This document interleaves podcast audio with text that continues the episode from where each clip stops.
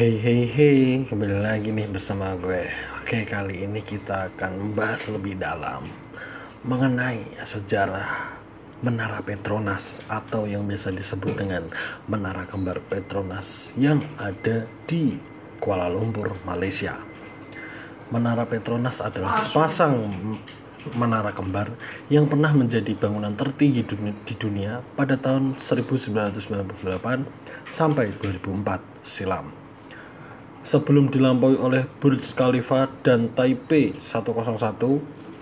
Namun, kedua menara ini masih merupakan pencakar langit kembar tertinggi di dunia pada abad ke-20. Menara Kembar Petronas memegang gelar sebagai bangunan tertinggi dari tahun 1908 hingga 2004 berdasarkan pengukuran dari lantai pintu masuk utama sampai struktur paling atas. Sekian, terima kasih.